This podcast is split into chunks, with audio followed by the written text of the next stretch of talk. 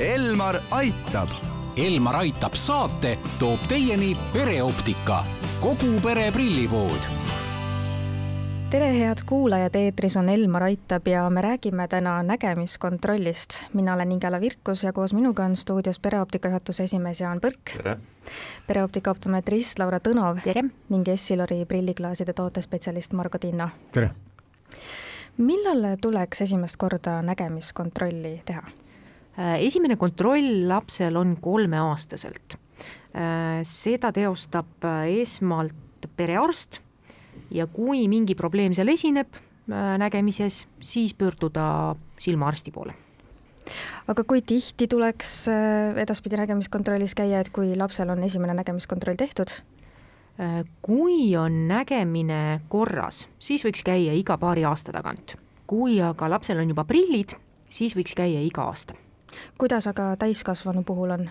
Äh, täiskasvanu samamoodi iga paari aasta tagant. aga tuleks täiskasvanul siis äh, pigem optometristil käia, silmaarstil või äkki hoopis perearstil?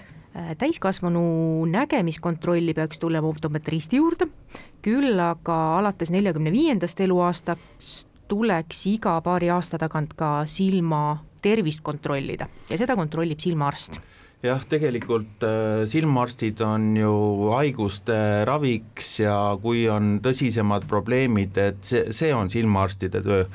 Äh, optika, nägemisoptika, prillid on äh, optometristi pärusmaa ja, ja kõik prillipoed on valmis oma kliente teenindama ja, ja andma väga-väga head seda äh, kvaliteeti, sest äh, optometrist õpib äh, kõrgkoolis kolm ja pool aastat ja, ja saavutab sellise taseme, mida noh, tegelikult arstid koos oma haigustega tegelikult selle prilli optika ja klaaside juurde ei jõuagi, et tegelikult on niisugune spetsialiseerumine siis, et prillidega tegelevad optometristid ja haigustega siis silmaarstid.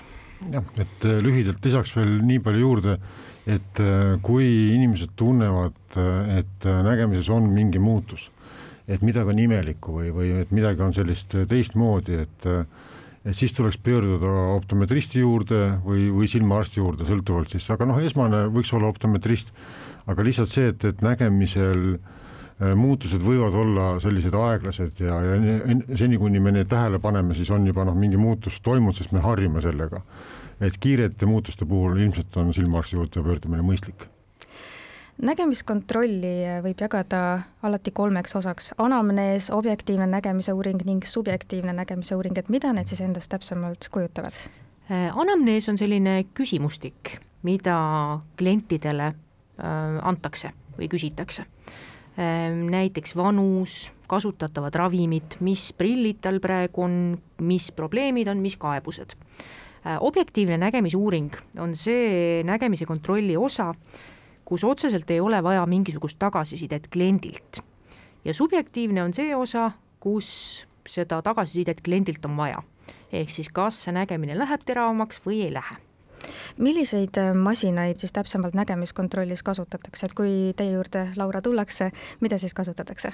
Äh, objektiivses nägemise uurimises kasutatakse näiteks autorefraktomeetrit, see on see masin, mis siis mõõdab ära sellise silma kogutugevuse äh, kasutatakse ka näiteks silma rõhuaparaati, mikroskoopi kuiva silma keskuses kasutame ka näiteks Topcon aparaati, mis siis kaardistab ära sellise sarvkesta ja määrab ära, kas on kuiva silma probleemi või ei ole. On need äh, valulikud protseduurid, et äh, silmarõhu mõõtmine kõlab niimoodi, et kui ei ole kokku puutunud, siis kardaks kohe, et äkki läheb midagi silma sisse?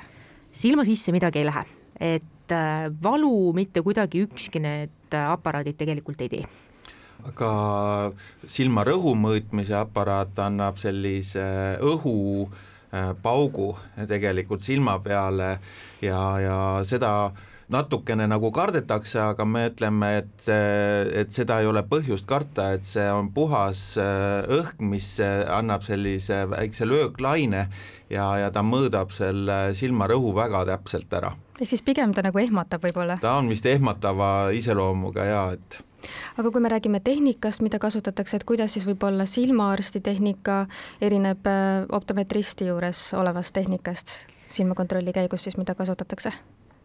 No silmaarsti kabinetis kasutatakse näiteks äh, luupi, et äh, kontrollida silmapõhju. silmaarstid kasutavad ka silmalihaseid lõdvestavaid tilku, mida näiteks optometrist kasutada ei saa. küll aga näiteks mõlemad kasutavad mikroskoopi ja see tilkade, lõdvestavate tilkade panemine tegelikult ongi põhjus, miks jaoks meie äh, väikseid lapsi ei vaata, et äh, see on äh, nii-öelda silmaarstide pärusmaa, et nemad leiavad selle lapse nägemise siis niisugused kitsaskohad ülesse. mille jaoks seda lõdvestavat tilka on vaja siis või mis see täpsemalt teeb? lapse eas silmalihased on sellises väga heas toonuses mis siis tähendab seda, et kui optometrist seda kontrolli teeks, siis ta ei suuda seda silmalihast äh, korralikult lõdvestada. ja see silmatilk ongi selle jaoks, et see akomodatsioon ilusti lõdvestada ja leida ka sealt näiteks selline varjatud nägemisprobleem jah, et see näitab äh, seda, et mis on silma tegelik nägemisjõudlus.